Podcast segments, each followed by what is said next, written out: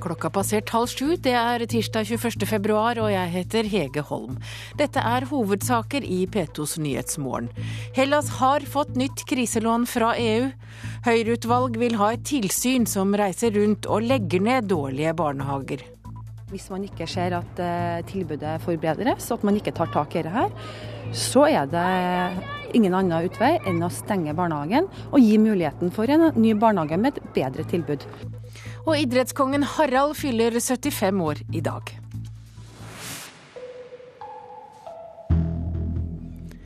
Finansministrene i eurosonen er nå enige om å utbetale 130 milliarder euro i et nytt kriselån til Hellas. Det ble klart etter tolv timer med forhandlinger som varte langt utover natta i Brussel. En av årsakene til at forhandlingene trakk ut, skal ha vært at de private kreditorene til Hellas nektet å godta større nedskrivinger av den greske gjelden. Det har lenge vært klart at nedskriving av gjelden på minst 100 milliarder euro ville bli en del av krisepakken, men bankene ble presset til å slette mer. Blant de andre vilkårene det er enighet om, er enda strengere overvåking av greske budsjetter og forbruk. I tillegg skal det opprettes en egen lånekonto for å sikre at Hellas faktisk bruker lånet til nedbetaling av gjeld. Avtalen innebærer angivelig at den greske gjelden reduseres til 120,5% av landets bruttonasjonalprodukt innen 2020. Og det var Helge Jøssing som orienterte. Det blir mer om eh, økonomien i Hellas og EU i Nyhetsmorgen etter klokka sju. Israel føler seg diskriminert på eiendomsmarkedet i Oslo. Israels ambassade må flytte fra Parkveien bak Slottet, men greier ikke å finne alternative lokaler. Styreleder i eiendomsfirmaet Akershus Eiendom, Roar Sandnes, kjenner seg ikke igjen i kritikken. Nei, ikke fra vårt ståsted iallfall. Vi har prøvd å serve dem med det vi har hatt å tilby for våre gårdeiere. Vi mener vi har gjort jobben vår så godt vi har kunnet, og fått svar tilbake at de ikke er interessert i de alternativene vi har lagt frem for dem. Det er den høye sikkerhetsmuren rundt ambassaden som skaper problemer for Israel. Oslo kommune krever at muren skal bort innen tre år, men ambassaden kan ikke leve uten sikkerhetsmuren, og må derfor flytte. Israel har vurdert og vraket et tjuetalls alternative ambassadetomter de siste årene. En tredel av disse ble det altså aldri noe av, fordi Israel føler seg dårlig behandlet eller diskriminert, ifølge et notat fra israelsk UD. Flere andre alternativer er også forkastet, fordi Israel mener det er for dyrt med 50 000 kroner kvadratmeteren for en ambassadeeiendom. Men det er prisen man må betale på Oslo vest, sier Sandnes. Nei, Jeg syns jo ikke hvis det er en eiendom på Oslo vest som de kan få kjøpt for 50 000 for meteren, så syns jeg ikke det er en ublu pris. Vi har jo tilsvarende eksempler nylig hvor DNB i Bjørvika har kjøpt sitt hovedkontor for 60 000 for meteren. Og vi har jo også sågar så solgt eiendom på Tjuvholmen til høyere priser enn dette. Østlandssendingen fortalte i går at Israel har forkastet to eiendommer i Drammensveien fordi de ligger for nær Irans ambassade. Flere andre eiendommer er også vraket pga. dårlig sikkerhet. Problemene gjør nå at israelske myndigheter ber UD her i landet om hjelp i eiendomsjakten. Men underdirektør Frode Andersen sier Utenriksdepartementet allerede har hjulpet Israel med saken i flere år. Utenriksdepartementet har bistått Eh, den israelske ambassaden med, med, sikte på å finne eventuelt nye lokaler dersom de skulle ønske å flytte, og det er noe vi har bistått med siden 2009. Eh, det med at de mener at de er diskriminert, er det noe dere vil gå videre med og undersøke? Veldig vanskelig for oss å, å ha en kvalifisert oppfatning av det. Vi har, ambassaden har bedt oss om å bistå dem med å finne egna kontorlokaler i UD hvis de skulle ønske å flytte, og det, det forholder vi oss til, og bistår dem med det. Ja, Det sa altså underdirektør i Utenriksdepartementet Frode Andersen til reporter Kjell Vesje. Og Israels ambassade ønsker ikke å uttale seg om denne saken. Høyres barnehageutvalg foreslår nå et uavhengig barnehagetilsyn som skal reise rundt og legge ned barnehager som ikke er gode nok. Men kunnskapsministeren er skeptisk. Nå kommer det bombe! En stor iskald snøball rett i magen. Slik tar en ivrig barnehagegutt imot lederen i Høyre sitt barnehageutvalg, som er på besøk i barnehagen hans. Jeg er fem år! For å sikre at han og alle andre unger som går i norske barnehager har det godt nok der, foreslår utvalget et eget uavhengig barnehagetilsyn som skal reise rundt og sjekke kvaliteten. Og for barnehagene som ikke tilfredsstiller, venter varsel, bøter eller Hvis man ikke ser at uh, tilbudet forbedres, at man ikke tar tak i det her, så er det ingen annen utvei enn å stenge barnehagen og gi muligheten for en ny barnehage med et bedre tilbud å komme på plass. Sier lederen i utvalget, Linda Hofstad Helleland. Nei, jeg vet, og det er tilbakemelding både gjennom fra ansatte og for foreldre, at mange er ikke fornøyd med den kvaliteten som en del barnehager har. Helleland mener en stor del av problemet i dag er at det er kommunene som driver barnehagene, og på samme tid fører tilsyn med dem. Det skaper en dobbeltrolle, det blir uryddig, og derfor så må det på plass et uavhengig tilsyn. Og Nå bruker vi 40 milliarder i året, og da skal vi forvente å få gode barnehager eh, tilbake. Kunnskapsminister Kristin Halvorsen er enig i at ordninga med tilsyn bør bli bedre, men hun er ikke helt begeistra for forslaget fra Høyre-utvalget. Jeg tror vi kan finne en bedre modell. fordi at et av poengene med tilsyn det er jo å få de som holder for dårlig kvalitet, til å forbedre seg. Det er jo ikke noe veldig gladnyhet for småbarnsforeldre at barnehagen er stengt pga. dårlig kvalitet. La oss gjøre det vi kan for å øke kvaliteten. Men er ikke det viktig å luke ut de som eh, ikke bedrer seg, når en får påpeke at det er for dårlig? Jo, men vi må huske på at de aller fleste barnehager i Norge har jevnt over god eh, kvalitet. Eh, det er absolutt sånn at vi skal ha et tilsyn som forsikrer oss om at det er tipp topp. For det mest verdifulle vi har er barn, og små barn kan ikke si fra, sånn som litt større barn kan. Eh, så Derfor er det avgjørende viktig at vi også har et effektivt eh, tilsyn. Men målet for det tilsynet må jo være at vi sikrer god kvalitet hele veien, ikke at vi skal stenge barnehager.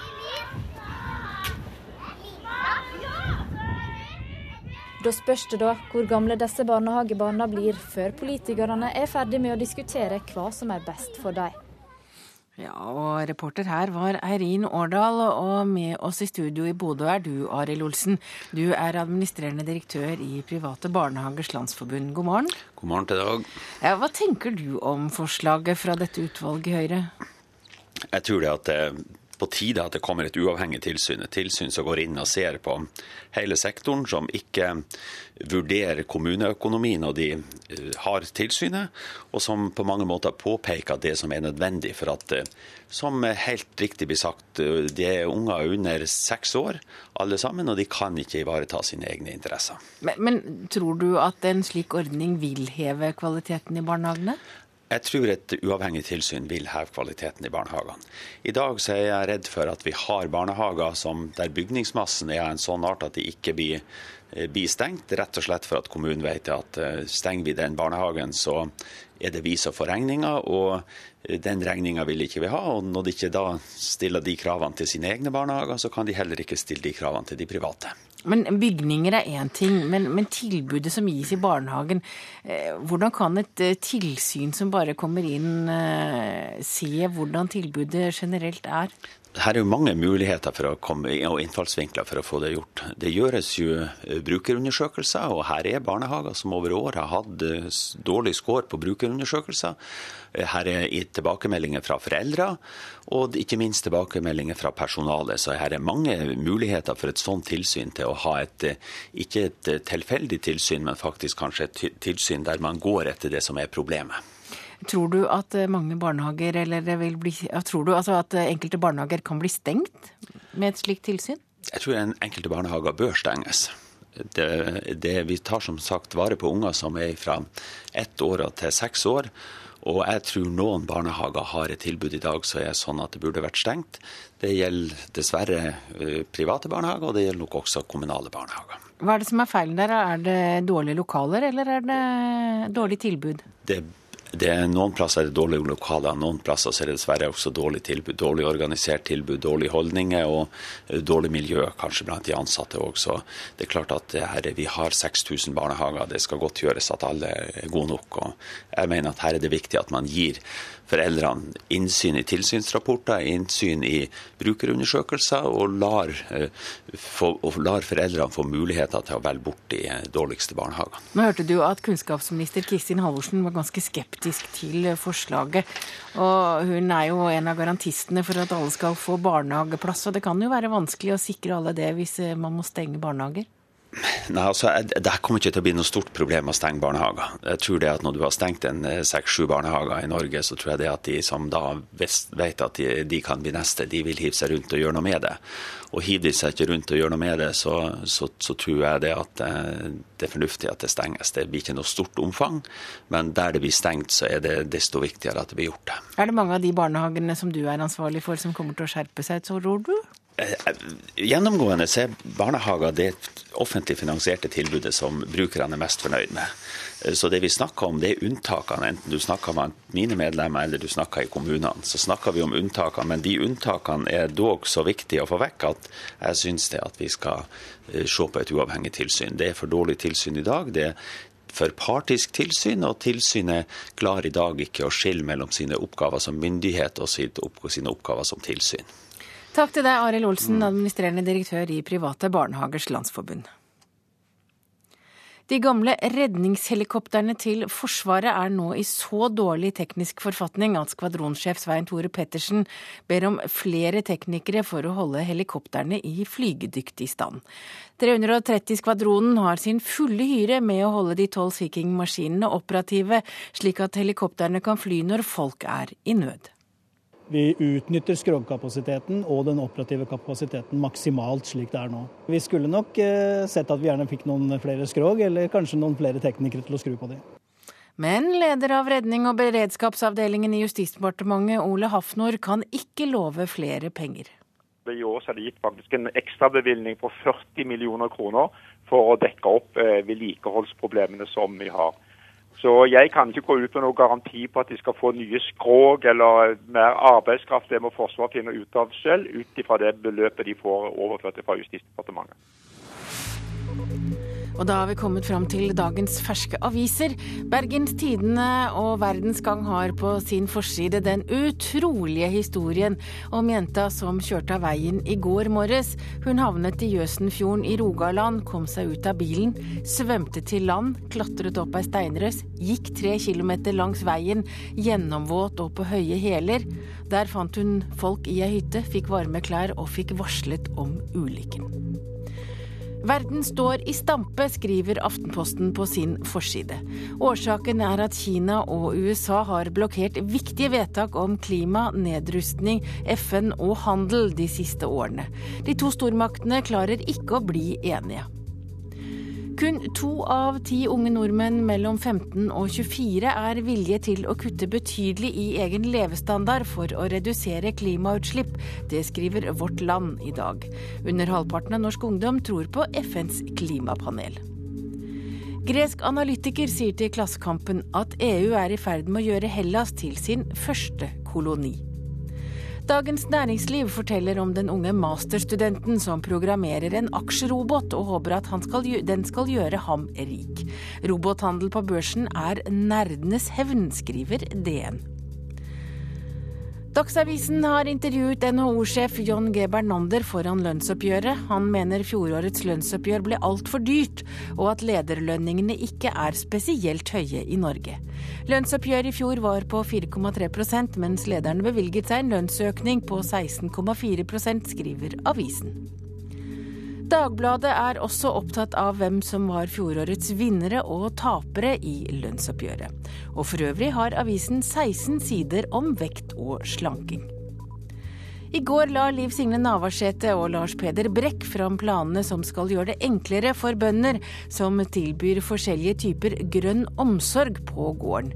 Det skriver Nasjonen. Inn på tunet heter prosjektet.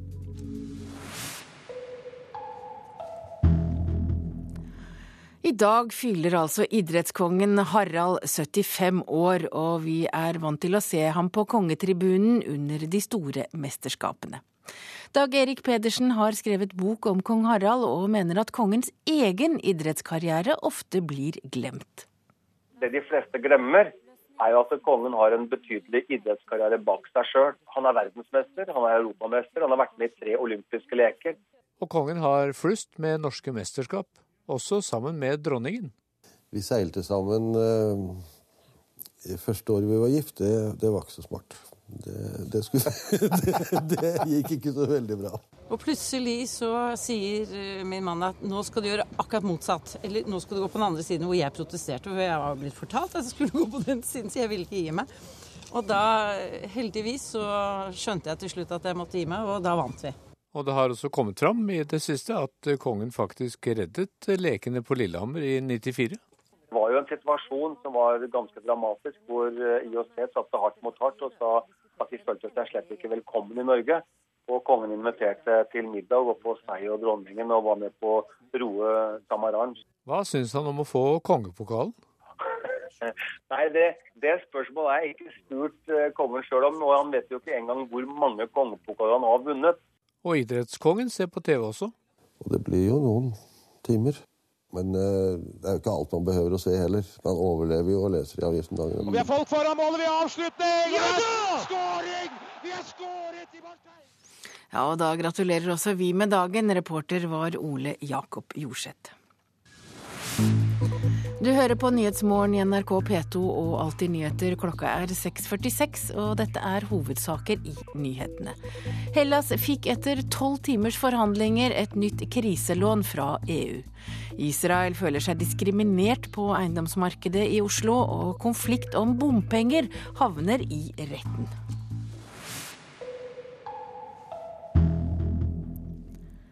Byggebransjen og næringslivets hovedorganisasjon frykter at polske arbeidere forlater norske byggeplasser.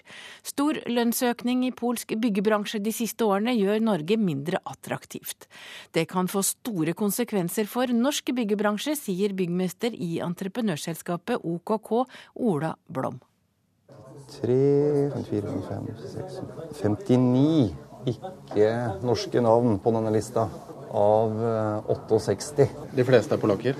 De aller fleste er polske. Vaktlista sier det meste. Uten polakkene er det krise fordi rekrutteringen er for lav. Men lønningene i polsk byggebransje er i full fart fremover, mener Blom, og får støtte fra NHO.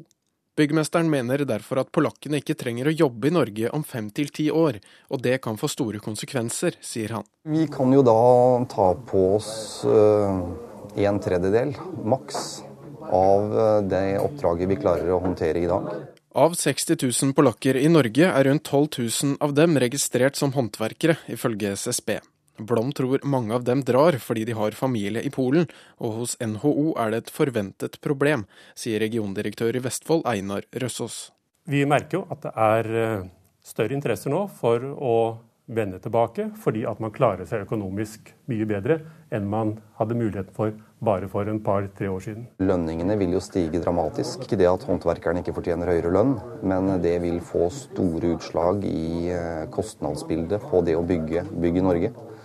Og vi nå snakker om at vi er inne i en prisboom og vi har kunstig høye priser, så vil de prisene bare ytterligere bli dyrere. Og reporter her var Fredrik Hansen. Og nå skal vi snakke om becquerel, altså måleenheten for radioaktiv stråling. For becquerel-nivået i nordtrøndersk sau er nå like høyt som i 2004, viser ny rapport fra Mattilsynet. Sauekjøttet inneholder seks ganger mer radioaktiv stråling enn hva Statens strålevern anbefaler, og det er 26 år siden Tsjernobyl-katastrofen. I flere fylker må sau på nedfòring når de kommer ned fra beite om sommeren. Det er mandag 28. april og året er 1986. Skyene som svevde over reaktoren i Tsjernobyl har kommet til Midt-Norge. Det regner noe voldsomt. Radioaktivt nedfall treffer bakken. En radioaktiv sky er i dag registrert over Norge, Sverige og Finland. Ved Statens institutt for strålehygiene opplyser direktør Johan Barlid at radioaktiviteten er langt høyere enn normalt. Regnvannet blir tatt opp av gress og planter og går inn i næringskjeden. Det blir målt enormt høye verdier av radioaktiv stråling både i sau og reinkjøtt. Sovjetisk radio kaller nå atomkraftverksulykka ved Kiev for ei katastrofe. Dette er trolig den verste ulykka av sitt slag til nå. Nå, 26 år etter, driver fortsatt Mattilsynet og måler radioaktiv stråling i levende dyr og planter.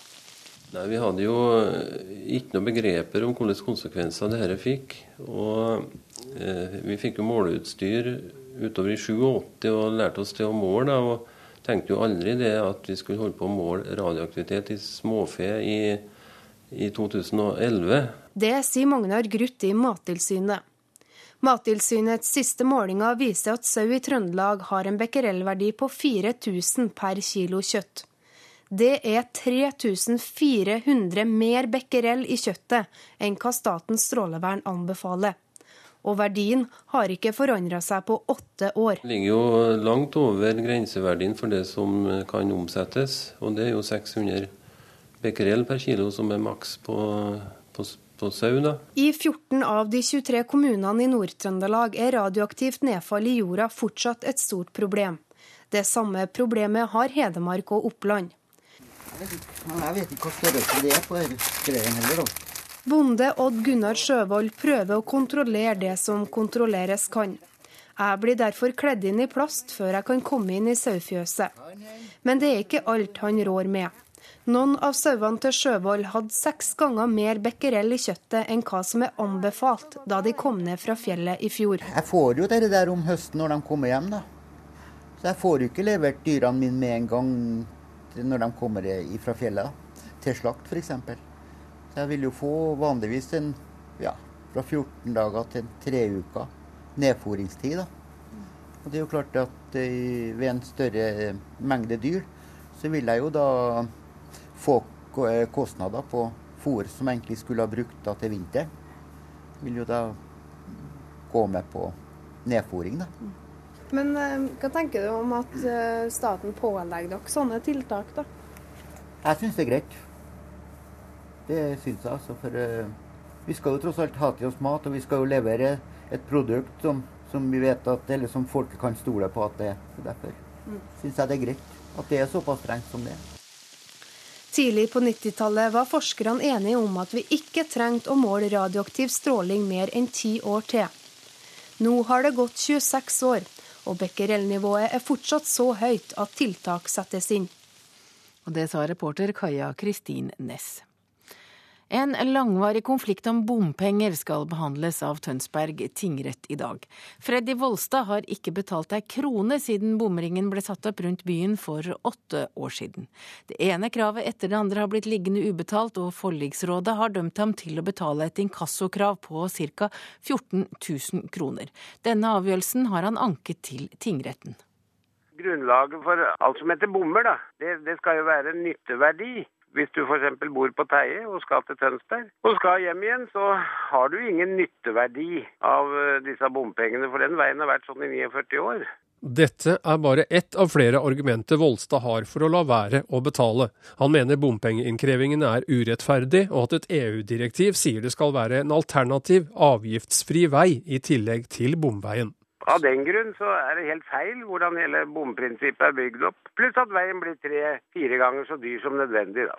Det har jo vært eh, mye debatt omkring eh, bompengeringen i Tønsberg, men eh, selv bompengemotstanderne betaler jo. Det er bare du som ikke betaler. Tror du at du kan komme noen vei med dette? Folk flest er jo redd for huset hjem, da. Er ikke du det? Nei, bryr meg ikke noe om det, jeg. Så hva skjer hvis du taper denne saken, da? Ja da, hvis, du, hvis de vil ta huset hjem, så får de bare ta det, da. Jeg vil jo heller være et fritt menneske enn en fange med et pent hjem. Det er Tønsberg Hovedveifinans som er Volstads motpart, og administrerende direktør Sigmund Aasly sier det er svært uvanlig at slike saker havner i retten. Så vidt jeg husker så er dette første gangen hvor vi da må møte i tingretten i forbindelse med et krav om betaling av bompenger. Er det en viktig sak, dette? Det er jo en viktig sak i den forstand at uh, man må vel få bekreftet om det er mulig å uh, komme unna et krav om å betale bomavgiften. Dette er et prosjekt som er uh, vedtatt av Stortinget, og med bakgrunn i de vilkår og regler som ligger til grunn. Og da tror jeg nok at alle må være med å betale. Og slipper Volstad å betale for å passere bomringen rundt Tønsberg, så vil jeg tro dette får store konsekvenser. Reporter var Jan Gulliksen. Det kan bli sorte hull i hovedutstillingen som skal markere Edvard Munchs 100-årsjubileum neste år. Nasjonalmuseet og Munch-museet skal låne hjem en rekke bilder fra både inn- og utland for å lage tidenes Munch-utstilling. Men sentrale verk kan måtte bli igjen i Bergen dersom staten ikke stiller med forsikringsgaranti. Her henger det mange av Munchs helt tidlige maleriske forsøk. Sjefskonservator Ingebjørg Ytzi trekker frem et av bildene fra magasinet på Munch-museet som skal lånes ut til Nasjonalgalleriet neste år. De to museene står sammen om den store jubileumsutstillingen i Munch-året 2013. Edvard Munchs 200 viktigste verk skal samles for aller første gang. Den tidligste kunsten på veggene til Nasjonalgalleriet, og den seneste kunsten på Munch-museet. For å få dette til har det vært nødvendig å låne bilder fra hele verden. Fra MoMA i New York, fra Boston, fra London, fra Berlin, fra Zürich, og ikke minst fra Bergen Bildgalleri. Men bildene fra Bergen kan komme til å måtte bli hjemme. For bare ett år før utstillingen åpner, er forsikringen av bildene som skal lånes ut, fortsatt ikke på plass. En kostbar detalj som må ordnes, sier direktør Audun Eckhoff ved Nasjonalmuseet. Først og fremst er det jo en økonomisk utfordring å få finansiert dette. Eh, og vi håper jo at vi skal få til en eh, ordning som tilsvarer den ordningen eh, vi har for statlig forsikring for kunst fra utlandet til Norge, også når det gjelder kunst vi transporterer rundt omkring i Norge. For forsikringssummene er, er store. Mens norske museer som låner kunst til eller fra utlandet får forsikringsgaranti fra staten, finnes ingen lignende ordning når Audun Eckhoff skal byttelåne bilder med kunstmuseene i Bergen. Direktør i Bergen, Erlend Høyersten, bekrefter at tallet for hans bilder er høyt. Vi kan ikke gå ut eh, med noen, eh, noen tall, men vi snakker om mange, mange hundre millioner. Premien på en privat forsikring av denne størrelsen vil gjøre store innhogg i museenes budsjetter. Derfor har de bedt om en forsikringsgaranti fra staten. Kulturdepartementet ble i 2009 anbefalt av sin egen fagetat for museer å innføre en slik ordning. Nå sier departementet til NRK at de er i dialog om saken, og har enda ikke konkludert. Hvis man ikke får en, en uh, adekvat løsning, uh, så betyr det at vi ikke har mulighet for å sende disse verkene fra Bergen til Oslo. Uh, og det betyr jo også det at ambisjonen om å lage den store, eh, virkelig store mønstringen, den store retrospektive utstillingen på Nasjonalmuseet og på eh, Munch, blir eh, si, torpedert. Og det sa direktør for kunstmuseene i Bergen, Erlend Høyersten, til reporter Thomas Alvarstein Ove.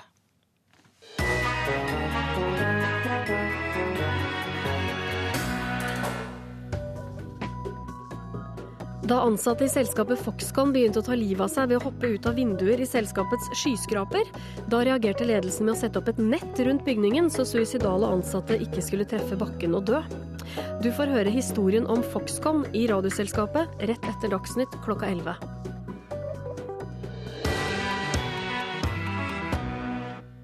Og da har vi kommet fram til værvarsel her i P2s Nyhetsmorgen.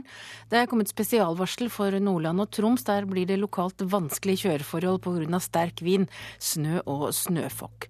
Og så er det et varsel som gjelder til midnatt. Fjellet i Sør-Norge vestlig stiv kuling utsatte steder. Enkelte snøbyger fra i ettermiddag nordvestlig frisk bris. Opphold og perioder med sol. I kveld sørvestlig liten kuling, tilskyende etter hvert snø i vest.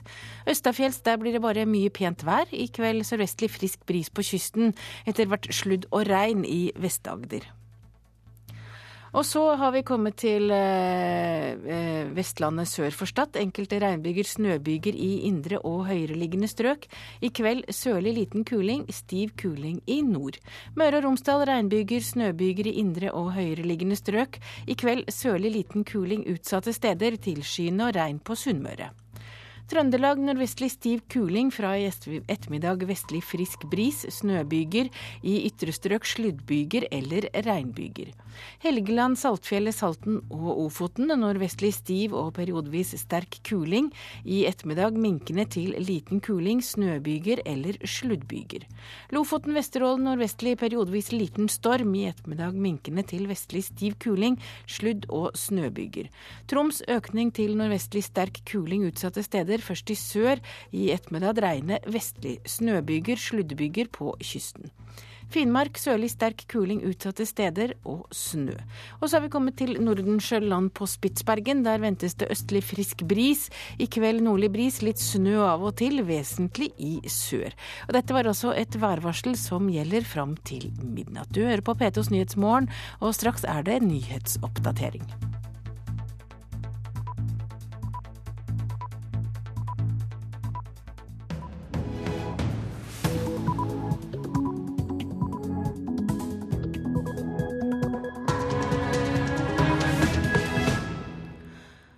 Klokka blitt sju, du lytter til Nyhetsmorgen. Jeg heter Hege Holm, og dette er siste nytt akkurat nå.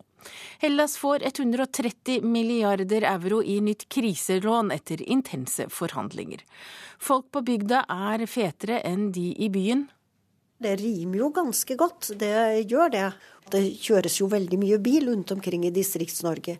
Men jeg vil tro at det er kulturelle mønstre også.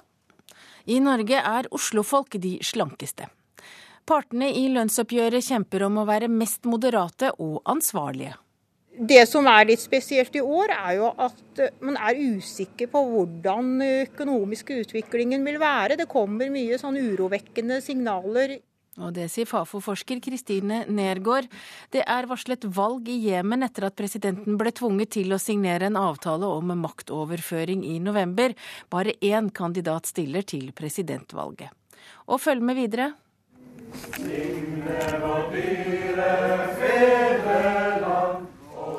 Dette blir vanlige toner fra kommunestyremøtene i Grimstad. De som ikke vil synge, må vente på gangen.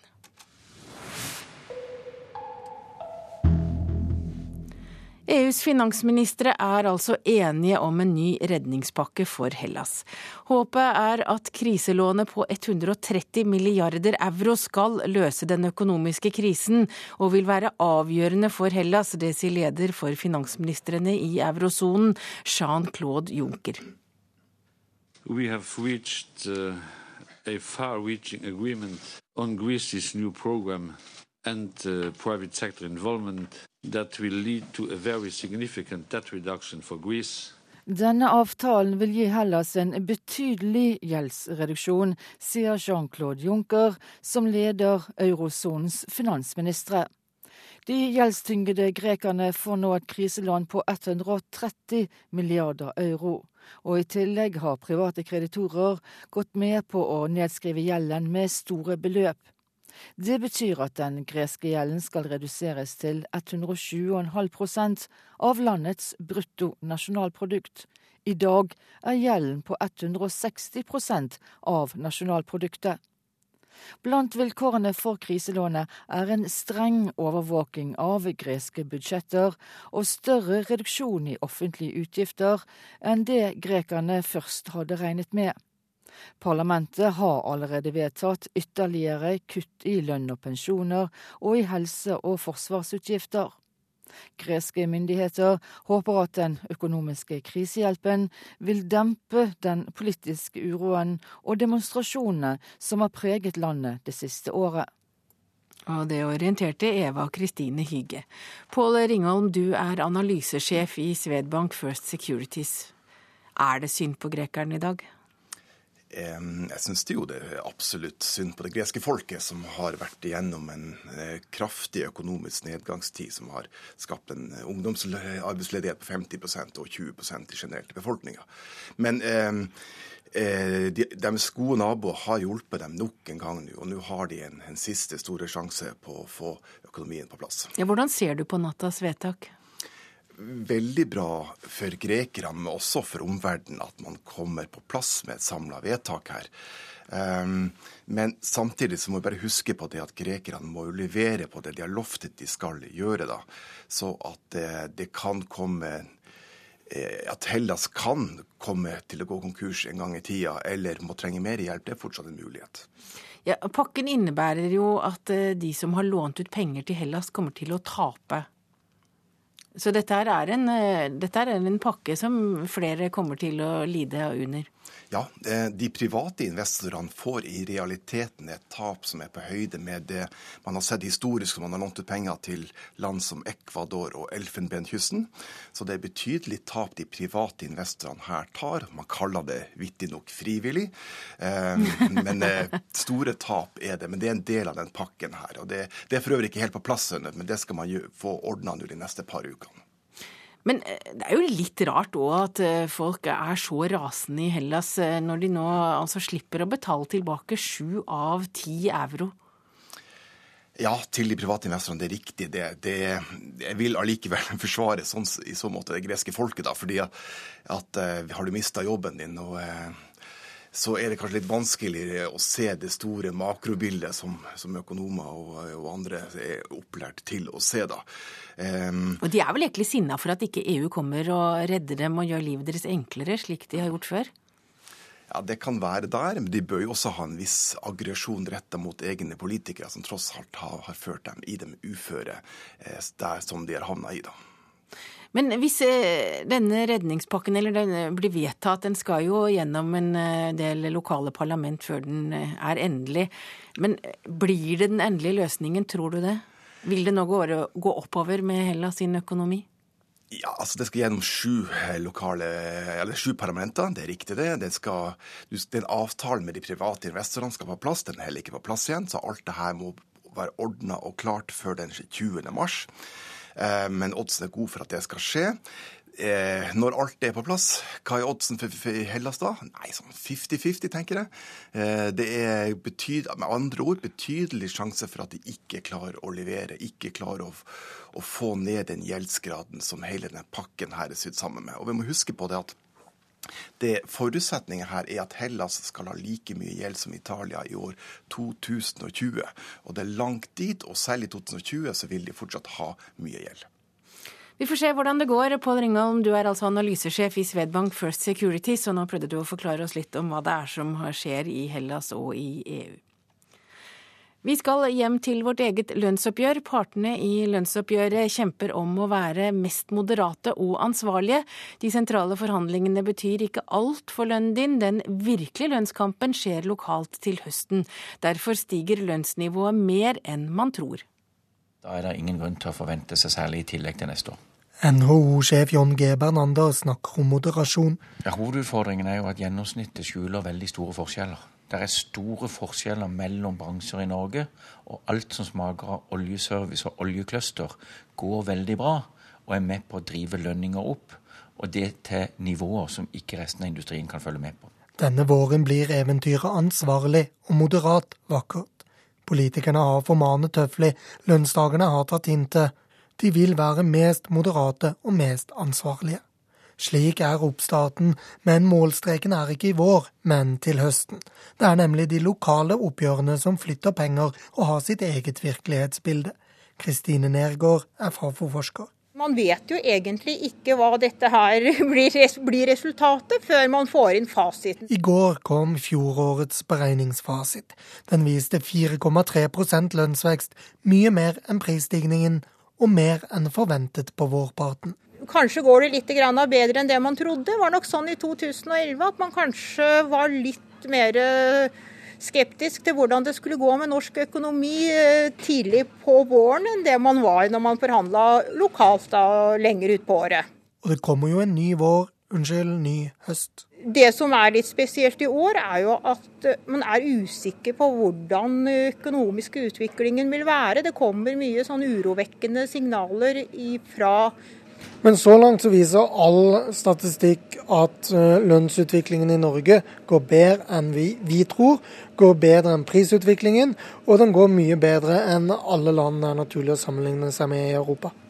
Ja, særlig i 2011 så var det jo et veldig godt år. Vi hadde en reallønnsvekst på 3% Moteordet er moderasjon i år.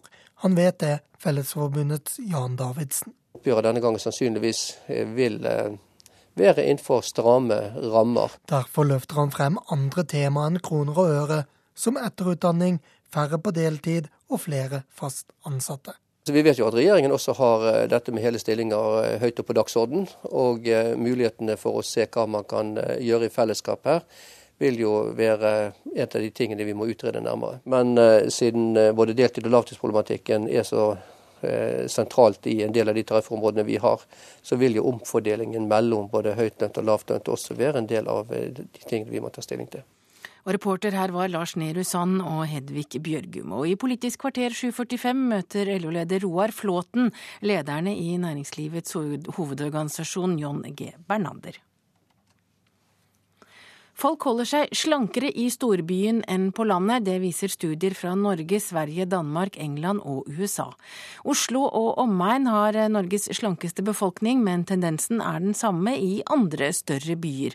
Det sier fagsjef ved Folkehelseinstituttet Sissel Graff Iversen. Hun viser til flere undersøkelser. Typiske by- og forstadskommuner lå lavere, spesielt enn de kommunene som var hva jeg ville kalle for skogsbygder. Slik oppsummerer Sissel Graff Iversen en rekke undersøkelser gjort på 40-åringer over hele landet over en 20-årsperiode fram til 2000-tallet. Og slik er det fortsatt. Tall Statistisk sentralbyrå har analysert for NRK fra levekårsundersøkelsen i 2008 viser at bare 7% i Oslo er fete. Mens dobbelt så mange, hele 14% er fete i fylkene Finnmark, Nord-Trøndelag og Vest-Agder. Folk på gata i Oslo er ikke overrasket over å være den slankeste befolkningen i landet. Eh, nei, egentlig ikke. Hvorfor ikke? Jeg tror kanskje man er litt mer bevisst når man bor i storbyer. Det er jo sånn man ser også. Trener du mye? Eh, ja, trener regelmessig. Gjør det. Sånn tre-fire ganger i uken kanskje.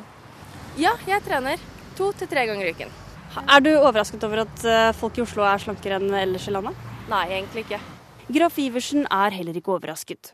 Det rimer jo ganske godt, det gjør det. Det kjøres jo veldig mye bil rundt omkring i Distrikts-Norge. Men jeg vil tro at det er kulturelle mønster også. Hun tror også at folk på landet oftere setter seg i sofaen når de har fri, mens folk i byene er mer bevisst på å mosjonere. Dess høyere inntekt og utdanning, dess eh, bedre helsevaner på veldig mange, mange områder. Når det gjelder eh, vekt og mosjon, mindre røyking, sunnere kost, Statistisk sentralbyrås levekårsundersøkelse er fire år gammel og den eneste landsomfattende oversikten for voksnes vekt i Norge i de siste årene. Men den er selvrapportert, og forskning viser at folk generelt oppgir noe lavere vekt enn de har. I Helsedirektoratets nye nøkkeltall viser en rekke regionale undersøkelser nå fedme på hele 20% av den voksne befolkningen. Men Forsvarets sesjonstall for 2011 viser at unge menn fra hovedstaden fortsatt er slankest i landet, og i snitt seks kilo lettere enn menn fra Sogn og Fjordane. Også i Danmark og Sverige er befolkningen i hovedstedene slankest. Seniorforsker ved Karolinska instituttet i Stockholm, Martin Neovius, har forsket på vekten til vernepliktige. Vi har undersøkt 1,6 millioner 18-årige menn over tre desember i Sverige. Og fetma det øker jo lenger ut på landsbygden man kommer. Overvekt regnes med måleskalaen BMI, hvor over 27 er overvekt og over 30 er fedme. Legger man disse to gruppene sammen, blir antallet i Oslo én av fem, mens i fylkene med tykkest befolkning, Nordland, Troms og Møre og Romsdal, blir tallet én av tre. Også i USA og England er folk fetest på landet og slankest i storbyen. Men det er forsket lite på hvorfor. Og nettopp det spørsmålet plager Åke Stensheim i Bodø når NRK forteller ham at nordlendingene er blant landets tykkeste. Jeg kan ikke sånn i full fart komme på noe god grunn til at det skulle være noe, noe grunn til å bli tjukkere for om du bor på landsbygda. Er du overraska? Ja, egentlig så er vel kanskje det. Ja, og Reporter her var Tonje Grimstad, og her i studio har du kommet treningsekspert Kari Jakkesson. Er du overrasket? Nei, men eh, jeg kunne vært det. Hadde det ikke vært fordi eh, for et par år siden så hadde jeg et oppdrag i, eh, på landet, kan jeg si. Spiller kanskje ikke så rolle hvor det er. Og da jobbet jeg med kroppsøvingslærerne i videregående skole, og de fortalte at de kunne se en markant nedgang i fysisk form fra første til siste år på videregående. Og hva skjedde fra første til siste år? Jo, man fikk lov å kjøre motoriserte kjøretøy, og det gjorde man så fort man hadde lov. Eh, der. For og der var, ble man sittende? Ja, fordi avstandene var såpass store at skulle man ha noe særlig sosialt liv, eh, så måtte man ha et eller annet å forflytte seg med. Så du mener bilen eller mopeden eller scooteren er eh, skyld i at folk legger på seg? Ja, i hvert fall delvis. Fordi i Oslo, selv om du er aldri så lat, så må du liksom gå til T-banen, gå til trikken i mye, mye mer da, enn hvis du bor ute på en øy hvor du må kjøre bil for å komme deg noe sted. Så det blir tvunget mer til eh, fysisk aktivitet, tror jeg. Samtidig så er kulturen, som ble nevnt i eh, reportasjen også, litt annerledes. Jeg har jo kontakt med hundrevis av kvinner i året. Eh, og en del forteller at det er en forventning, og at når det kommer noen altså Dette er jo gjerne damer som bor på landet, og gjerne gardskoner og sånn. Det er en forventning til at når det kommer besøk, da skal du diske opp med kaker og ja, det var en veldig viktig del av kulturen. Ja, Hvis du bare sitter og ser på at gjesten spiser, så er jo det litt uhøflig også?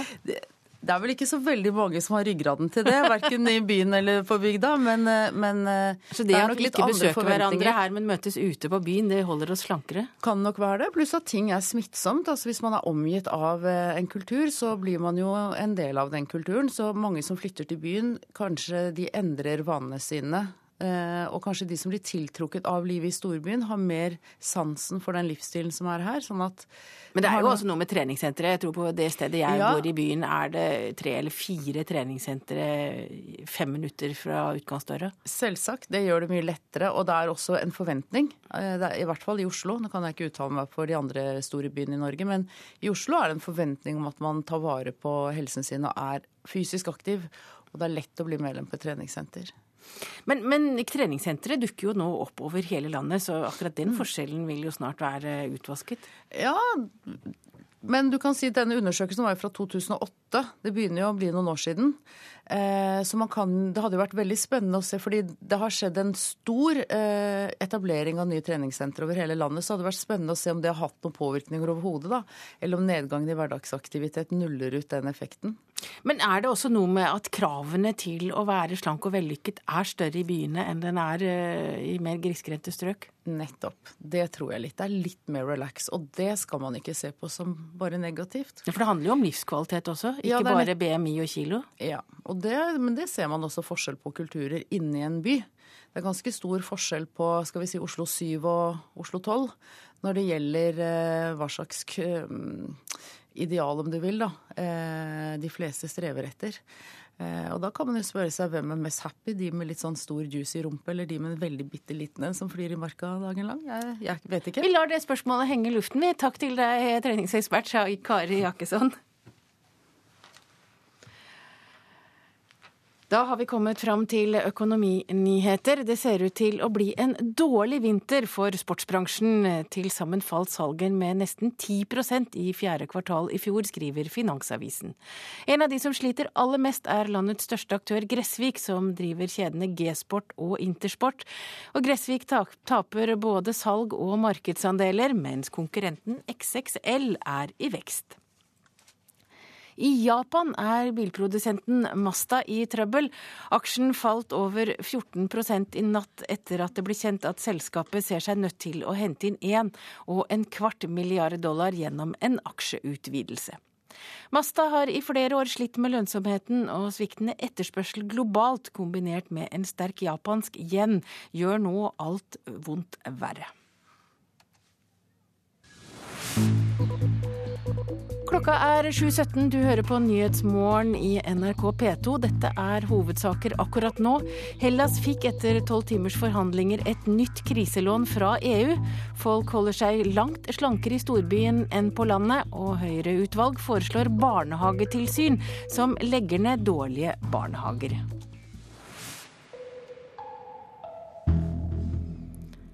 Da skal vi utaskjærs. Vi skal til Jemen, der valglokalene har åpnet i anledning dagens presidentvalg.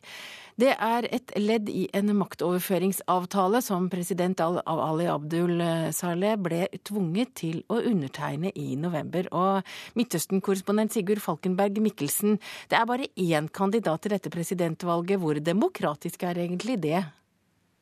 Ja, jeg tror at Nøkkelspørsmålet her blir hvor stor oppslutning dette valget får, og hvordan det kommer til å gjennomføres. Det vil jo indikere hvordan Jemen ser på denne prosessen. Det er en start eh, og slutten kanskje på Sales styre i Jemen, men det har allerede vært flere voldelige angrep på valgstasjoner, eh, og mange stemmer som har tatt til orde for eh, boikott. Eh, slik at situasjonen er svært fortsatt ustabil, men det er da et resultat av denne avtalen som ble framforhandlet av nabolandene for å unngå totalt kaos i Jemen. Men, men den ene kandidaten er jo ikke Saleh selv. Hvorfor gir han nå fra seg makten? Han ble tvunget til det, og han er jo da den fjerde autokraten som gir seg i den arabiske verden, med en viktig forskjell i forhold til de andre, Mubarak, Gaddafi og, og Ben Ali i Tunisia, at Saleh ennå ikke har gitt seg helt. Han er i New York under, og får medisinsk behandling, men har sagt at han ønsker å komme tilbake for å fortsatt drive politikk. Men han ble altså presset ut, først av da folkelige protester, og etter hvert også et voldelig opprør og en splittelse i hæren som truet med full borgerkrig. Hvem er Mansour Hadi, som er den eneste kandidaten? Mansour Hadi er den tidligere visepresidenten til Sale. En ganske ukjent eh, figur for den vanlige jemenitt. Men han får nå en voldsom oppgave med å holde landet samlet. Eh, for det er et eh, tiltagende opprør i nord av sjiamuslimske stammer. Og i sør så har du da separatister samt Al Qaida som er svært aktive. Må huske på at det er ikke mer enn altså, Jemen ble samlet i 90, og det er veldig sterke sentrifugalkrafter i landet. Hva slags politikk eh, har han sagt at han har lyst til å føre eller vil føre når han vinner valget? Altså, han, han, holdt en stor eh, TV-tale hvor han oppfordret folk til å stemme. og jeg tror at første, Det blir den første testen, da, er om han klarer å få folk og klarer å skaffe seg en egen maktbase, og at han ikke bare blir en overgangsfigur.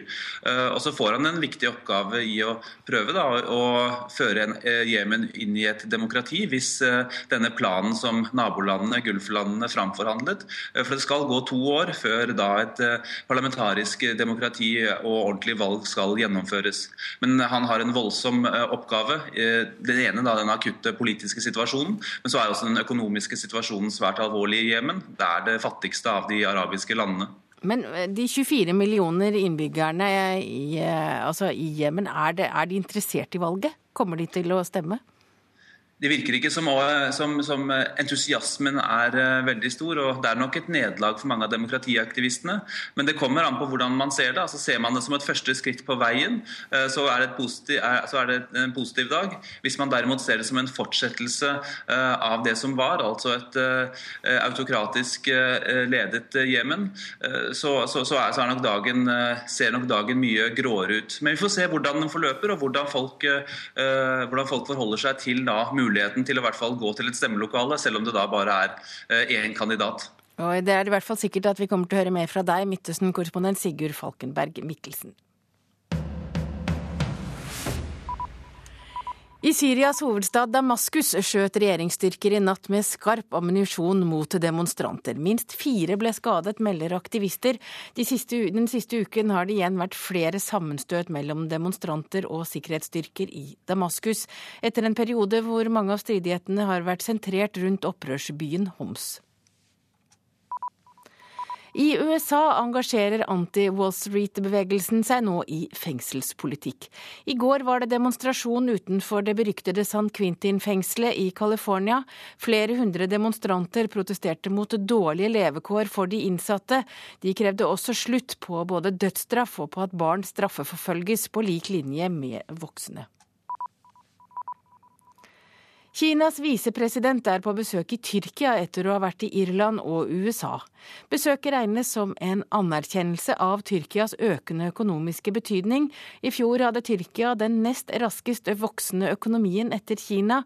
Det er også ventet at den kinesiske visepresidenten vil drøfte Syria med tyrkiske myndigheter. Myndighetene i Myanmar lover å vurdere å la valgobservatører overvære valget i april. For første gang stiller fredsprisvinner Aung San Suu Kyi som kandidat til parlamentsvalget, og valget blir sett på som en viktig test av myndighetenes løfter om å innføre flere reformer i landet. Da har vi kommet fram til en presserunde. Bergens Tidende og VG har i dag en helt utrolig historie på sin forside. De forteller historien om jenta som kjørte av veien i går morges. Hun havnet i Jøsenfjorden i Rogaland. Så kom hun seg ut av bilen under vann, svømte til land, klatret opp ei bratt steinrøys. Så gikk hun tre kilometer langs veien, gjennomvåt og på høye hæler.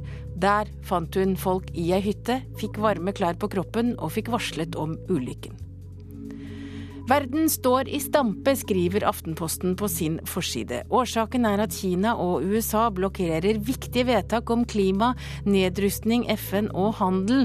De to stormaktene klarer ikke å bli enige.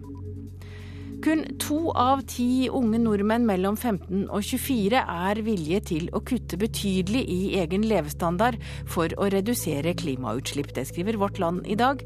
Under halvparten av norsk ungdom tror på FNs klimapanel. Gresk analytiker sier til Klassekampen at EU er i ferd med å gjøre Hellas til sin første koloni. På forsiden av Bergensavisen frykter de stor snøskredfare i hele vinterferieuken på Vestlandet. Dagens Næringsliv forteller om den unge masterstudenten som programmerer en aksjerobot, og håper at han blir rik av det. Robothandel på børsen er nerdenes hevn, skriver DN. Dagsavisen har intervjuet NHO-sjef John G. Bernander foran lønnsoppgjøret. Han mener at fjorårets lønnsoppgjør ble altfor dyrt, og at lederlønningene i Norge ikke er spesielt høye. Lønnsoppgjøret i fjor var på 4,3 mens lederne bevilget seg en lønnsøkning på 16,4% skriver avisen. Dagbladet er også opptatt av hvem som var fjorårets vinnere og tapere i lønnsoppgjøret, og for øvrig har avisen 16 sider om vekt og slanking. I går las Liv Signe Navarsete og Lars Peder Brekk fram planene som skal gjøre det enklere for bønder som tilbyr forskjellige typer grønn omsorg på gården. Det skriver Nasjonen.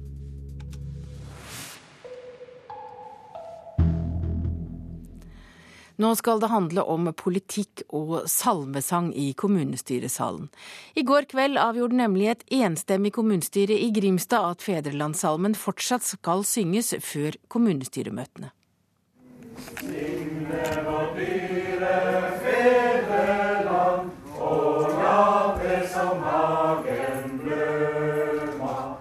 Kommunestyret i Grimstad i går kveld.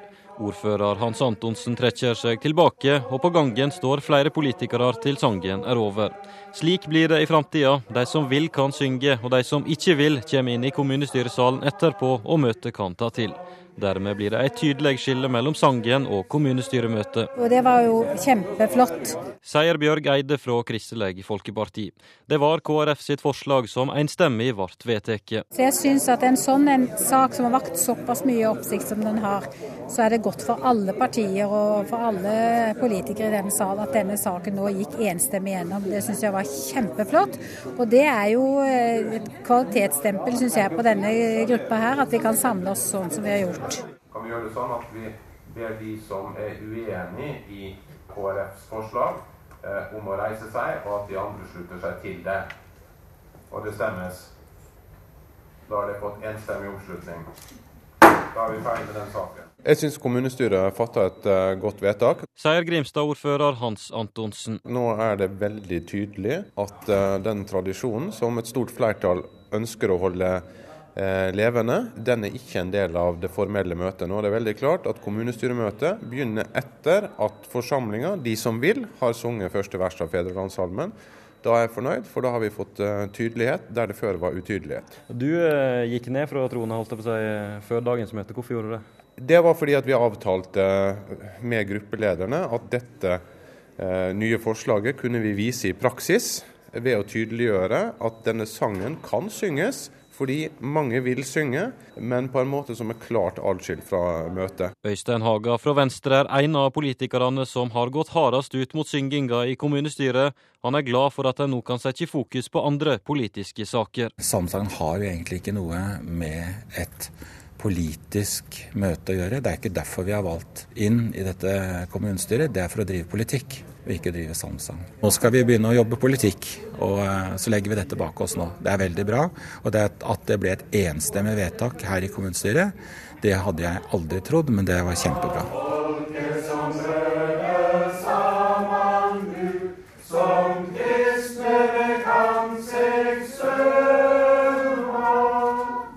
De har funnet tonen i Grimstad. Reporter var Sander Heggheim.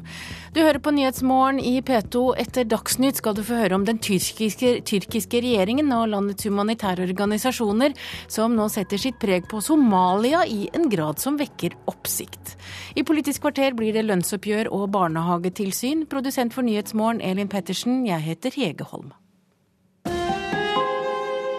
Hør ekko. Den arabiske våren velter regimer og endrer en hel region. Mens ulike grupper kjemper om makt, hva skjer med de kristne i Midtøsten? Er kristendommens vugge i ferd med å tømmes? Ekko 9 11 i NRK P2.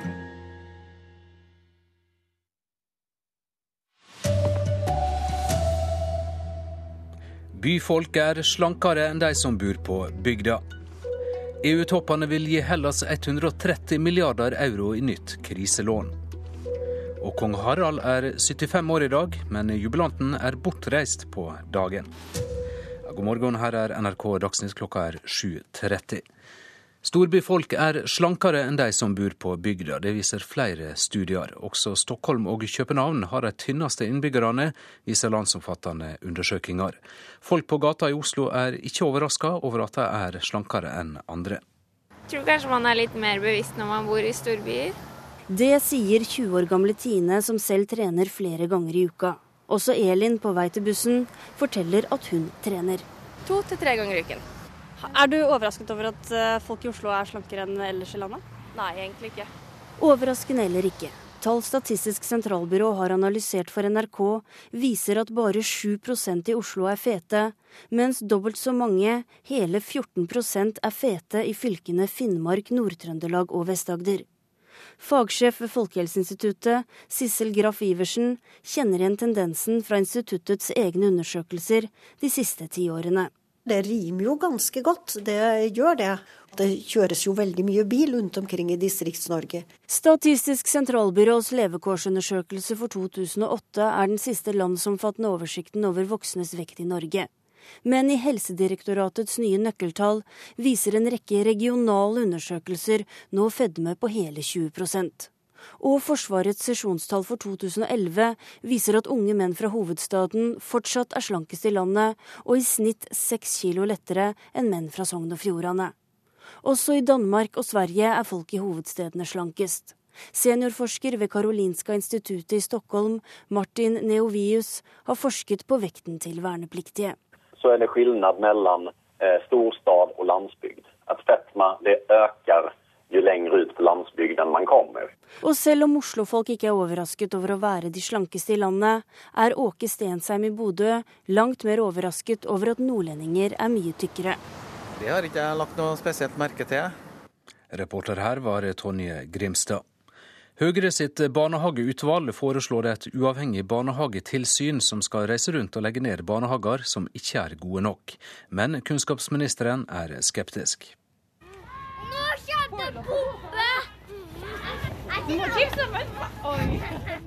En stor iskald snøball rett i magen. Slik tar en ivrig barnehagegutt imot lederen i Høyre sitt barnehageutvalg, som er på besøk i barnehagen hans. Jeg er fem år!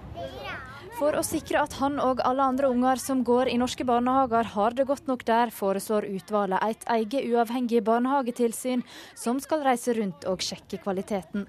Og for barnehagene som ikke tilfredsstiller, venter varsel, bøter eller Hvis man ikke ser at uh, tilbudet forbedres, at man ikke tar tak i det her, så er det ingen annen utvei enn å stenge barnehagen.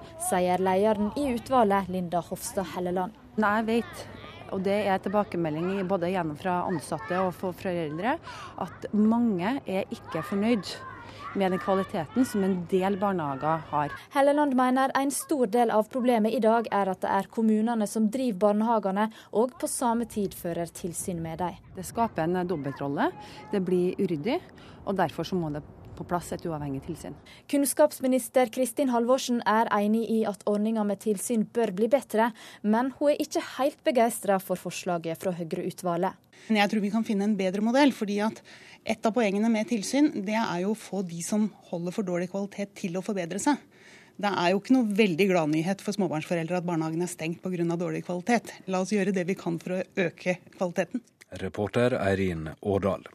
EU sine finansministre er enige om en ny redningspakke for Hellas. Håpet er at kriselånet på 130 milliarder euro skal løse den økonomiske krisa, og vil være avgjørende for Hellas, sier leder for finansministrene i eurosona, Jean-Claude Juncker. We have reached uh, a far-reaching agreement on Greece's program and uh, private sector involvement that will lead to a very for Greece denne avtalen vil gi Hellas en betydelig gjeldsreduksjon, sier Jean-Claude Juncker, som leder eurosonens finansministre. De gjeldstyngede grekerne får nå et kriselån på 130 milliarder euro. Og i tillegg har private kreditorer gått med på å nedskrive gjelden med store beløp. Det betyr at den greske gjelden skal reduseres til 120,5% av landets bruttonasjonalprodukt. I dag er gjelden på 160% av nasjonalproduktet. Blant vilkårene for kriselånet er en streng overvåking av greske budsjetter og større reduksjon i offentlige utgifter enn det grekerne først hadde regnet med. Parlamentet har allerede vedtatt ytterligere kutt i lønn og pensjoner og i helse- og forsvarsutgifter. Greske myndigheter håper at den økonomiske krisehjelpen vil dempe den politiske uroen og demonstrasjonene som har preget landet det siste året. Reporter Eva Kristine Hyge. I dag kommer representantskapene i LO sammen for å drøfte grunnlaget for lønnsoppgjøret i vår. I Politisk kvarter på P2 klokka 7.45 møter LO-leder Roar Flåten lederen i NHO, Jon G. Bernander. En langvarig konflikt om bompenger skal behandles av Tønsberg tingrett i dag. Siden bomringen i Tønsberg ble satt opp for åtte år siden, har ikke Freddy Volstad betalt ei eneste krone. Forliksrådet har dømt han til å betale et inkassokrav på ca. 14 000 kroner, men dette er anka til tingretten. Grunnlaget for alt som heter bommer, da, det, det skal jo være nytteverdi. Hvis du f.eks. bor på Teie og skal til Tønsberg og skal hjem igjen, så har du ingen nytteverdi av eh, disse bompengene, for den veien har vært sånn i 49 år. Dette er bare ett av argumentene Volstad vil presentere i tingretten i Tønsberg i dag. Volstad mener bompengeinnkreving er urettferdig, og at et EU-direktiv gir han krav på en alternativ avgiftsfri vei Motpart i retten er Tønsberg Hovedveifinans, og administrerende direktør Sigmund Aasly sier saken har en prinsipiell side. Det er jo en viktig sak i den forstand at uh, man må vel få bekreftet om det er mulig å uh, komme unna et krav om å betale bomavgiften. Dette er et prosjekt som er uh, vedtatt av Stortinget, og med bakgrunn i de vilkår og regler som eh, ligger til grunn. Og da tror jeg nok at eh, alle må være med å betale. Men Volstad står på sitt, og han er heller ikke redd for konsekvensene av å tape rettssaken. Folk flest er jo redd for hus og hjem, da. Er ikke du det? Nei, bryr meg ikke noe om det, jeg. Reportere her var Jan Gulliksen og Halvard Norum. Det internasjonale bokseforbundet har bestemt at de kvinnelige bokserne i OL i London kan velge mellom skjørt og shorts, og det gleder Lotte Lien. Ja, jeg syns det var en gledelig nyhet at uh, det skal nå være valgfritt. Uh, det syns jeg er veldig viktig, fordi når man skal gjøre en sportslig prestasjon, er det viktig at man føler seg komfortabel. Og da å påtvinge noen et skjørt som man ikke da er komfortabel med, ville ha vært uhørt, syns jeg. I dag fyller kong Harald 75 år. Sjøl har majesteten tatt seg fri og reist på utenlandsreise på den store dagen, men i hovedstaden blir han hylla av både små og store. Nei, du er ikke så veldig flink til å synge. en liten sang. Gratulerer med dagen. Gratulerer med dagen. Gratulerer, kong Harald. Gratulerer med dagen. Gratulerer med dagen, Harald. Du er en fin konge. Er fin konge. Vi er glad i deg. Men Vil dere synge bursdagssangen? Ja! Okay, en, to, tre. Gratulerer for deg som fyller i dåra. Deg vil vi gratulere. Jeg vil si gratulerer med dagen, og, og at håper han får en fin bursdag. og at han kanskje får noe fint. Og noe fint, det har han fått. Trass i at det ikke blir noe offentlig markering av den store dagen før i mai, da også dronninga fyller 75 år, har kongen allerede fått flere gaver. Posten har kommet med egne frimerker med portrett av kongen, og fra regjeringa og folket har både kongen og dronninga fått seks kunstutstillinger i gave. Hva vil du mere? Gratulerer! Hei! Håper jeg får en fin bursdag. Gratulerer med dagen, Gratulerer med dagen, kongen! Og det er mulig å gi kongen ei hilsing, enten en kommer til Slottet eller på kongehuset sine nettsider. Reporter her var Amalie Lereng. Ansvarlig for denne sendinga var Erlend Rønneberg. Det tekniske ansvaret hadde Arnt Egil Nordlien. Og i studio var programleder Odd Christian Dale.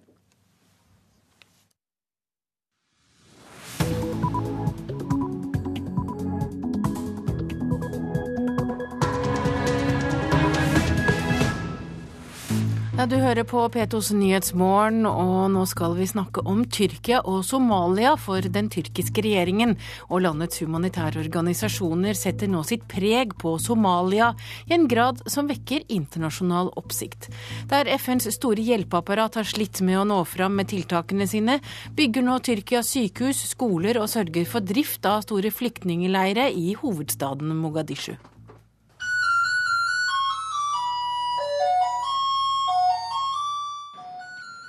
Det ringer inn på Mogadishus nyeste undervisningstilbud for gutter i 12 til 18-årsalderen.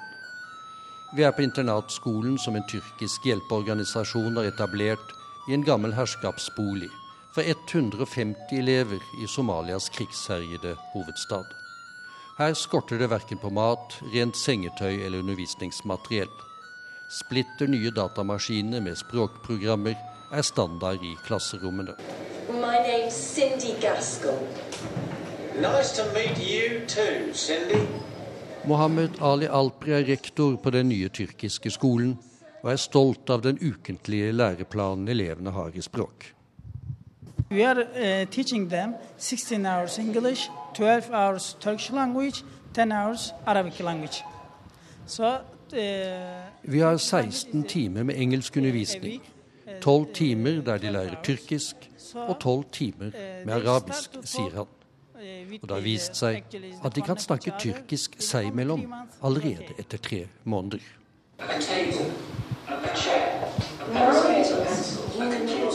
Skolen i Mogadishu er ikke det eneste tyrkiske undervisningstilbudet til ungdom i Somalia. Siden i fjor sommer er ikke mindre enn 1200 elever fløyet ut for å gå på universiteter eller videregående skoler i Tyrkia. Det er en massiv bistand på undervisningsfronten somalierne er vitne til. Og den kommer til å øke, forteller Bilal Celik, president i den humanitære NIL-organisasjonen, som står for store deler av tiltakene. For future uh, Somali, this very important, for For Somalias fremtid er denne støtten svært viktig, sier han. Husk at landet har vært uten et skikkelig undervisningssystem i mer enn 20 år. Tyrkia driver nå de fleste av de store leirene for internt fordrevne flyktninger i Mogadishu. Et nytt sykehus skal reises med støtte fra handelsstanden i Istanbul. Mange hundre tyrkiske hjelpearbeidere er i sving, og de synes i bybildet. I motsetning til de få FN-utsendingene som kommer hit. Av sikkerhetsgrunner drar de minst mulig ut av det tungt bevoktede FN-hovedkvarteret nær flyplassen. Og de aller fleste av verdensorganisasjonens ansatte med Somalia som arbeidsfelt holder seg i Kenyas hovedstad Nairobi i stedet. I nabolag som Gigiri, der det er godt og trygt å leve, sier Mogadishus ordfører Mohammed Noor. Girigiri is the heaven of the earth. Greeny, waterfalls, beautiful sound of birds, uh, beautiful cars with red uh, plates, so many servants cleaning. Gigiri er som en himmel på denne jord. Grønt med fossefall og vakker fuglesang. Flotte biler med røde skilt. Tror du at FN-folkene er villige til å flytte hit til Mogadishu? Nei, de skylder på sikkerheten og blir boende der de er. Uten fysisk å etterlate seg så mye som et sykehus, en klinikk eller en skikkelig skole for alle milliardene som giverland har gitt dem for å hjelpe Somalia, sier han. Og det sa vår Afrikakorrespondent Lars Sigurd Sunde. Klokka er 7.44, og dette er hovedsaker i nyhetene. Eurolandene er enige om en ny krisepakke for Hellas etter tolv timer med forhandlinger. Folk på bygda er fetere enn folk i byen. I flere fylker er det dobbelt så mange overvektige som i Oslo. Høyre-utvalg vil ha et tilsyn som reiser rundt og legger ned dårlige barnehager. Og nå følger Politisk kvarter, og der blir det toppmøte om lønnsoppgjøret, programleder Bjørn Bø? Ja, det blir det. Men vi skal også høre mer om eventuelt hardere tilsyn med barnehagene, som du nett var inne på.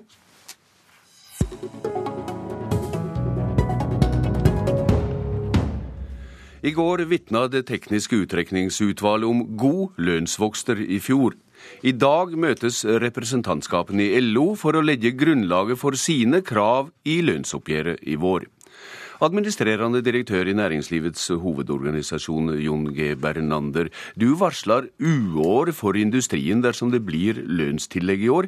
Hvordan kan du gjøre det når det er dine medlemmer som lokalt har økt lønnene? Ja, Nå var det vel ikke akkurat det ordet jeg har brukt i forhold til min bekymring for eh, industrien. Men bekymringen dreier seg først og fremst om det vi kaller for frontfaget. De som er eksportutsatte, som lever av å forsøke å overleve i et marked og en konkurranse hver dag, de tåler ikke en sånn lønnsvekst over tid. Hmm. LO-leder Roar Flåten, i hva grad deler du NHOs syn om at det nå kreves et tilnærma nulloppgjør? Vi deler det utgangspunktet at vi eh, har hatt en eh, høyere lønnsvekst i, eh, i Norge enn handelspartnere gjennom faktisk flere år, og også under finanskrisa. Men det er også en gjenspeiling av at det går også mye bedre i Norge. Det er en høyere produktivitet i Norge. og det er lav arbeidsledighet i Norge, i motsetning til veldig mange andre land. Eh, og Det er det vi ser eh, nå ute, at det er også da eh, konkurranse om arbeidskraft. Og, det betyr at det også gis tillegg, betydelig tillegg lokalt utover det som blir gitt sentralt. Så det er en del av den situasjonen vi har i Norge, i motsetning til en del andre land. Men, hvor, men hvor uroa er du som Jon G. Bernander for den konkurranseutsatte industrien? Jeg er veldig urolig for den også, fordi vi ser at eh, fastlandsindustrien, for å si det sånn, de som ikke er olje- og gassrelatert, de, eh, de, har eh, større problemer enn en den øvrige delen av, av, næringslivet. Og trenger et nulloppgjør? Ja, de, de, trenger et fornuftig oppgjør. Det er vår definisjon på det. Og, og det betyr at vi må ha at Frontfagsmodellen er viktig i denne sammenheng. At det er den konkurranseutsatte næringen som, som setter rammene for lønnsoppgjøret. Eh, men eh, vi har også en produktivitet i Norge som, som, også er eh, skapt fordi at vi har et høyere kostnadsnivå enn Norge, har hatt det gjennom mange år. Mm. og Det betyr at vi må på mange måter være mer effektive, mer produktive og, og smartere enn andre i en del sammenheng. Og det gjør at norsk industri er veldig teknologidrevet, gode til omstillinger og har høy produktivitet. Det er ja. også et resultat av dette. Ja, er det slik Jon G. Bernander, lederen i uttrekningsutvalget, Ådne Cappelen, er sitert i Klassekampen i dag og sier at produktiviteten i norsk næringsliv ikke er all verda. Hva har det med lønnsoppgjøret å gjøre? Nei, Jeg tror han har rett i det, men produktivitetsveksten over de siste ti år har vært veldig høy. Men de siste år har det stoppa opp, sånn at vi har mista den kraften. Det som jo eh, skal til for å tilfredsstille LOs forventninger og krav, litt avhengig av hvordan de formulerer det nå i representantskapet sitt senere i dag. Men hadde vi tatt utgangspunkt i det de har sagt de siste år, at ønsket er å beholde kjøpekraften, ja, så har iallfall det lønnsoppgjøret vi har bak oss, det har med seg så mye trekkraft inn i årslønnsvirkninga i år at det kravet allerede er oppfylt før vi starter. Ja, du fikk murring i egne rekker for at du var for slepphendt. Blir det verre å vriste penger fra deg i år?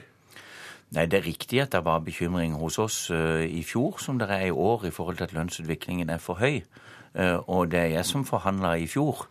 Uh, men realiteten er jo at når vi er ferdig, når nå fasiten ligger i bordet, så ble jo lønnsoppgjøret mye kraftigere. og en sterkere vekst enn verken Roar Flåten eller jeg hadde hatt forventninger om da vi satt og forhandla. Og, det betyr, og det betyr at det har gitt mye større tillegg lokalt. I snitt så, så tilslører det at det er veldig stor forskjell mellom ulike industrigreiner. Mm. Det som er knytta opp mot olje og oljecluster, det har hatt en ganske stor press på arbeidskraft og sysselsetting, og det gir seg utslag. Ja, Roar Flåten, uh, ulikskaper er det. Uh, det er vel all grunn til å tro at det blir forbundsvise oppgjør, og dermed er det frontfaga i industrien som har vært nevnt her, som skal legge grunnlaget for alle, også for lærere og sykepleiere? Ja, hvis det, dette med frontfagsmodellen, og, og, eh, gitt at det blir forbundsvist, så, så er det den konkurranseutsatte næringa eh, og Fellesforbundet som eh, vil starte oppgjøret og legge rammene. Og, og, de rammene må følges av andre. LO kan ikke stå for den kollektive fornuften aleine. For det er et poeng at vi holder Eh, lønnsdannelsen eh, også innenfor et fornuftig nivå, fordi at vi skal konkurrere med utlandet, og de har en annen situasjon enn oss. og Det er den store utfordringen. Ja, Hvor mye står det på spill for arbeidsplassene i privat sektor etter ditt syn? Ja, vi har, en, eh, vi har, en, utfordrende situasjon fordi vi har en kronekurs som nå er utrolig sterk og, og styrker seg. Eh, det er, det er, nok den eh, største utfordringen for bl.a. aluminiumsindustrien og en del andre som er ute i tøff konkurranse nå. Men vi må gjøre selvsagt vår del i lønnsoppgjøret og lønnspolitikken. Men det er klart at det er stor forskjell på hvordan økonomien er i Norge i forhold til resten av Europa, og det gjør at dette er utfordrende. Når du hører dette, Bernander, er det fare for konflikt om oppgjøret i år? Ja, ethvert eh, oppgjør, enhver forhandling har eh, Ja, Men nå, nå, er vi i år? Ja, den har også den faren at det kan bli konflikt i enkelte sektorer. Eh, det må vi ta høyde for når vi går inn i forhandlinger. Men jeg tror vi har lurt til å lytte til sentralbanksjefen, som bare i forrige uke sa at hvis ikke vi greier å tilpasse oss de eh, lønnsutviklinger som eksportindustriene eh, kan bære, ja, så står vi i fare for at ikke bare enkeltindustrier, men hele industrigreiner faller ut av norsk flora. Når vi hører deg litt mjuk kanskje her, Roar Flåten, eh, i hva grad er det andre ting enn penger som blir viktige i oppgjøret, slik som likelønn og vikarspørsmål? Vi kommer nok til å også fokusere på lavtlønt- og likelønnsproblematikken. Eh, vi kommer til å også ha en fokus på eh, å følge opp dette med ufrivillig deltid. Og vi har sett på at eh, dette med ubekvemstillegg for helgearbeid innenfor en del yrker, der er det altfor store forskjeller. Som også kan være et virkemiddel for å få til gode arbeidstidsordninger, som også gjør at vi får flere på heltid. Og det er hovedsakelig kvinner dette dreier seg om, så det er en prioritert oppgave for oss. Og så ligger det en del eh, andre forhold, arbeidstidsspørsmål og sånn, som mm. Eh, vil også bli diskutert i oppgjøret. så... Vikarbyrådirektiv, Jon Bernander, det er et kjenslevart tema for tida. Hvor vanskelig er du å ha med å gjøre når det gjelder vikarenes eh, stilling? Vi er overhodet ikke vanskeligere med å gjøre når det gjelder direktivet. Det er jo altså Nei, som, men vikarenes ja, stilling er vel kjernen i dette? Jo, men det er jo akkurat det som er kjernen i direktivet òg. Det er bare blitt en underlig debatt i Norge. I Europa så er vikarbyrådirektivet drevet fram av den europeiske fagbevegelsen. I Norge har vi fra arbeidsgiversiden sluttet oss til at det kan implementeres. Men det er jo Roar Flåten og LO-sekretariatet som har problem. Ja, men så har også NHO og arbeidsgiverne bidratt til å skape den usikkerheten og skepsisen til direktivet ved at de ikke vil være med på virkemidlene, og at de også vil fjerne dagens lovbestemmelser for å regulere dette. Da får vi høre senere i dag hva representantskapen i LO kommer fram til. Takk til dere, Jon G. Bernander og Roar Flåten.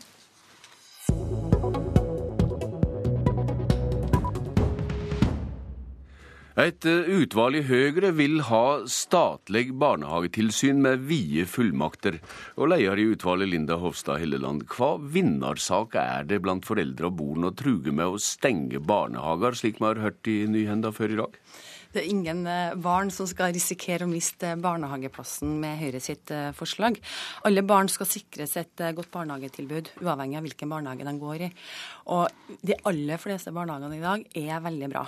Mm. Men så er det noen som eh, ikke er gode nok eh, på, kvali på kvalitet. Eh, og da må vi stille noen krav. Og da barnehager som ikke følger gjentatte krav og eh, henstillinger fra et sånt tilsyn, de må kanskje risikere eh, etter mange nok eh, ganger å, eh, å, stenge med det absolutt eh, siste utvei. Det viktigste for oss er at vi nå sørger for at eh, alle barnehager holder god kvalitet. Mange mm. barn bruker mange timer per uke i barnehagen, og da må vi forvente at barn får Eh, en god barnehagehverdag med god kvalitet. Det mener det er bukken og havresekken når kommunene driver tilsyn med barnehagene nå vil ha et ubundet statlig tilsyn. Noen tykker gjerne det er pussig at Høyre vil ha mer byråkrati? For oss er det viktigst at uh, at barna får en eh, god barnehagehverdag. I dag er det sånn at mm. kommunene driver sine egne barnehager. De deler tilskudd til private barnehager, og de fører tilsyn med alle barnehager. Da syns vi at det er uryddig, og det er derfor vi ønsker et uavhengig tilsyn. Nå bevilger Stortinget årlig 40 milliarder til eh, barnehagene. Mm. Da må vi forvente at de holder mål. Og nå er det sånn at Kristin Halvorsen hun har vært god på å bygge ut barnehager, men Kristin Halvorsen er ikke like god på å holde eh, fokus på innholdet i barnehagen. Og det er det Høyre er opptatt av. Alle de små barna som bruker så lang tid av sin barndom i, nei, i barnehagen. Da er vi nødt til å være sikre på at den barnehagen eh, holder eh, god kvalitet. Eh, statsråd Kristin Halvorsen, som du synte til nettopp, eh, hun eh, er ikke her. Hun var skeptisk til deres framlegg tidligere i dag, hørte vi. Men Gina Barstad, talskvinne i SV, du er her. Det er gjerne et poeng at kvaliteten i barnehagene ikke alltid er på topp. Og i dag har vi hørt lederen i Private barnehagers landsforbund si at noen barnehager bør stenges. Eh, barnehagereformen er jo en av de aller største velferdsreformene vi har hatt i Norge de siste årene. Det er altså den største utvidelsen av velferdsstaten på mm. 20-30 år. Og store reformer stiller jo som kjent eh, store krav til oss. Jeg er enig med Høyre i at det finnes en del svakheter i dagens system. Og Derfor så har jo vi satt i gang et arbeid eh, som har levert en rapport eh, som, skal, eh, skal se, som har sett på tilsyns... Så du vil vurdere framlegget hun kommer med her? Ja, vi vil vurdere alle framlegg som, som, kommer i debatten nå. Og det forslaget som Høyre har kommet med, ligner jo veldig på mindretallsforslaget mm. i den rapporten som vi har mottatt. Og det er gjerne et poeng at kommunale barnehagetilsyn er som bukken og havresekken? Ja, Det er en av svakhetene med dagens system. Men eh, det finnes jo en del argumenter mot det også. F.eks. hvis du flytter ut fra et, til et uavhengig tilsyn, så kan du risikere å tappe kommunen for en del kompetanse som de har rundt barnehager. Men, men, jeg er ikke låst på dette. Altså. Jeg, jeg, tror at det er en viktig debatt vi har nå om hvordan tilsyn vi skal ha med, med barnehagene fremover. Eh, Helleland, eh, her er vel noen konsekvenser av dette. her. Er det en sladrekultur du vil ha i barnehagene? Og hva blir følgende dersom barnehager blir stendige? Blir det at barn og mor skal være hjemme og rette opp igjen den trygge familien? Nei, eh, men sammen med et uavhengig tilsyn, så må vi også øke barnehagekompetansen i kommunene. For enkelte steder er den for dårlig. Vi må øke foreldredeltagelsen, og vi må øke innsynet i, eh, i barnehagene. Eh, sånn at alt det her til sammen vil kunne føre til at de barnehagene som ikke holder mål, de, eh, de må stenge, og nye må få muligheten til å etablere seg. Og Det er jo ikke sånn at en barnehage vil stenge over natta. Det er jo gjentatte. Men så må jeg få lov til å si én ting. Det er fortsatt 6000 pedagoger på dispensasjon. Og det ja. har det vært lenge. Det er mangel på tilstrekkelig kompetanse, og i mange barnehager så er det veldig stor utskifting av personalet. Det skaper utrygge barn. Ja, men, og med den satsinga vi har på barnehager i dag, så må vi faktisk nå stille helt tydelige krav. Regjeringa varsler mer tiltak for å rekruttere nettopp flere til førskolelærerutdanninga. Kan det være det at det er et bedre tiltak enn å stenge barnehager i ytterste konsekvens? Det er jo kjempebra hvis Kristin Halvorsen nå eh, ønsker å, å, satse på det. Nå har eh, Høyre, sånn som inneværende i år, så bevilger vi dobbelt så mye til å øke mm. kompetansen for ansatte i barnehage, gjenrekrutteringsstrategier, flere førskolelærere. Hvis regjeringa er med å støtte Høyre på det, så er det kjempebra. Men jeg tror at vi kan gjøre begge deler. Vi kan både ha bedre tilsyn, men først og fremst så handler jo det her om å øke kompetansen blant ansatte. For gode barnehager er avhengig av eh, kompetente ansatte. Barstad, nå har du bedt om ordet lenge. og Er problemet egentlig for rask utbygging og for lite penger til barnehagene? Nei, barnehageløftet var et helt nødvendig løft. Og jeg tror hvis du spør foreldre rundt omkring i Norge, så er de veldig glad for at de nå har barnehageplass, som de jo ikke hadde da Linda Hellelands parti Høyre styrte. Eh, men jeg eh, mener at det viktigste vi gjør for å sikre kvaliteten, det er å få inn flere førskolelærere. Og Høyre skal passe seg for å svartmale situasjonen i Barnehage-Norge. Eh, barnehagetilbudet er jo et av de velferdstilbudene som det norske folk er mest fornøyd med. Det viser mm. alle undersøkelsene vi har. Sånn at det ikke ikke sånn at det er masse barnehager i Norge som, som eh, må stemme, stenge. Da snakker vi eventuelt om ekstremtilfeller. Er Helleland ei sytekjerring, slik du sa? Nei, det er sånne, sånne ord bruker seg om eh, Det, det får være dine ord i så fall. Når du hører på dette her, Helleland, eh, ser du von om å få gjennomslag for framlegget ditt? Ja, jeg tror at vi kommer til å bli enige om noe. Og nå har Høyre hatt et barnehageutvalg som har jobba siden i sommer. Vi har mange spennende forslag på gang, for vi er utålmodige på ungene sine vegne. Og vi stiller store krav til hva kvalitet i barnehagen skal være. Og der håper jeg eh, vi nå kan eh, møtes. Takk til dere. Politisk kvarter er slutt. Jeg heter Bjørn Bø.